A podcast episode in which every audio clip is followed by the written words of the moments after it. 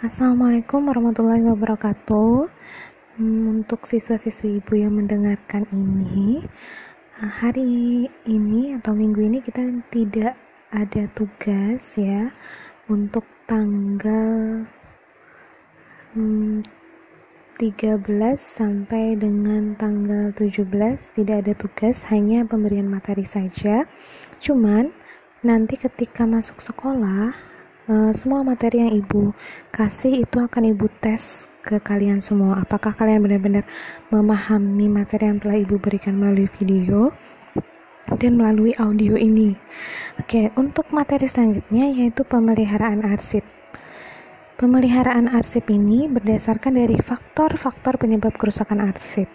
Nah, faktornya apa aja? Ada faktor ekstrinsik dan ada faktor intrinsik. Faktor ekstrinsik itu penyebab kerusakannya berasal dari luar benda arsip, ya. Bisa dari tempat penyimpanannya, uh, terus juga temperatur lingkungan fisiknya temperatur dan kelembapan udara yang ada di area arsip kalau faktor intrinsik itu berasal dari arsip, arsip tersebut karena kan arsipnya itu terbuat dari kertas. Artinya kalau kita mengarsip surat menyurat, surat itu kan dari kertas. Maka itu bisa menjadi faktor intrinsik. Dan usaha pencegahan kerusakannya itu ada beberapa ya. Ada uh, yang pertama harus membersihkan ruangan arsip tersebut dari debu, kertas bekas, putung rokok maupun sisa makanan. Nah, lokasi ruangan atau gedung arsip kalau bisa terletak di luar daerah industri. Hendaknya ruang arsip terpisah dari kegiatan kantor lainnya. Artinya, khusus ruang arsip tidak tergabung dengan ruang-ruang yang lainnya bangunan yang lainnya.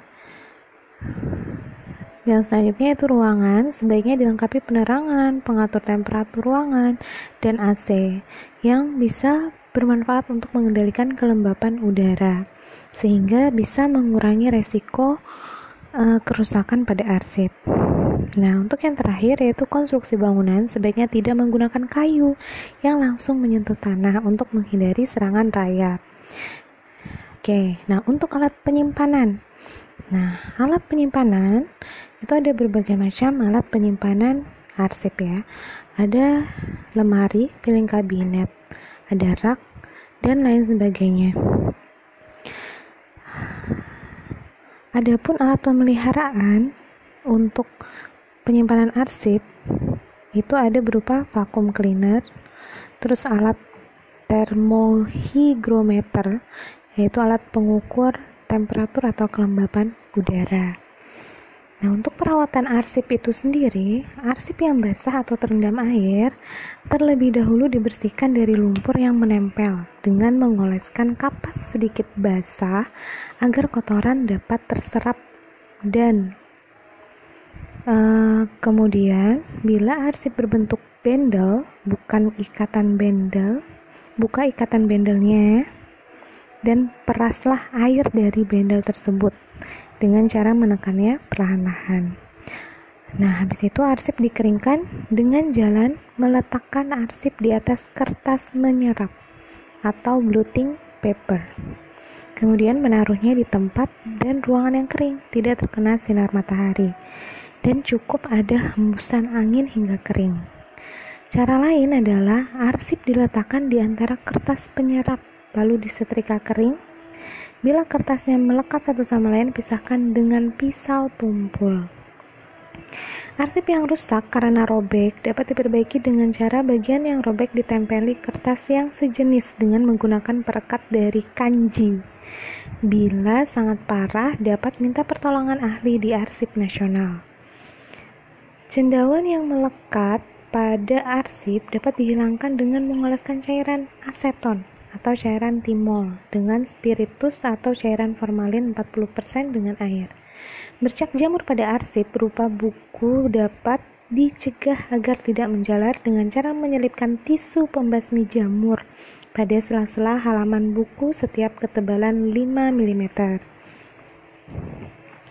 Oke, dan untuk pengamanan arsip itu kita ketahui arsip itu ada macam-macam. Ada arsip yang biasa, arsip penting, ya, dan pastinya ada arsip yang sangat berharga atau arsip vital. Nah, arsip vital ini yang pengamanannya lebih ditingkatkan daripada arsip-arsip yang lain. Bukan berarti arsip yang lain tidak diamankan ya, cuman arsip vital inilah yang harus di uh, aman lebih diamankan. Dan untuk pengamanan arsip agar lebih aman lagi ketika disimpan atau ingin dipinjam oleh orang lain, maka harus menggunakan buku peminjaman dan juga meninggalkan kartu identitas diri.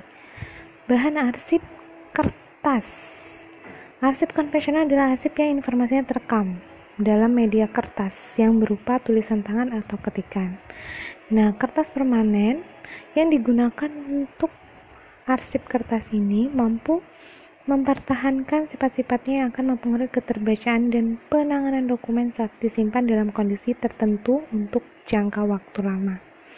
Penggunaan kertas dengan nilai kegunaan dan waktu lama untuk jangka simpan 10 tahun atau lebih itu harus menggunakan kertas HPS di atas 70 gram atau jenis lain dan serendah-rendahnya dengan nilai keasaman pH 7 itu berdasarkan dari Menpan nomor 72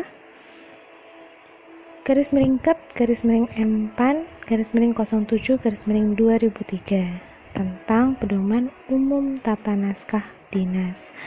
Oke anak-anak demikian tadi materi untuk minggu ini. Jangan lupa untuk disimak dan dipahami baik-baik karena ketika masuk sekolah nanti akan ada tes dari ibu mulai dari materi yang per, uh, pertama ketika stay at home sampai dengan materi ini. Oke, wassalamualaikum warahmatullahi wabarakatuh.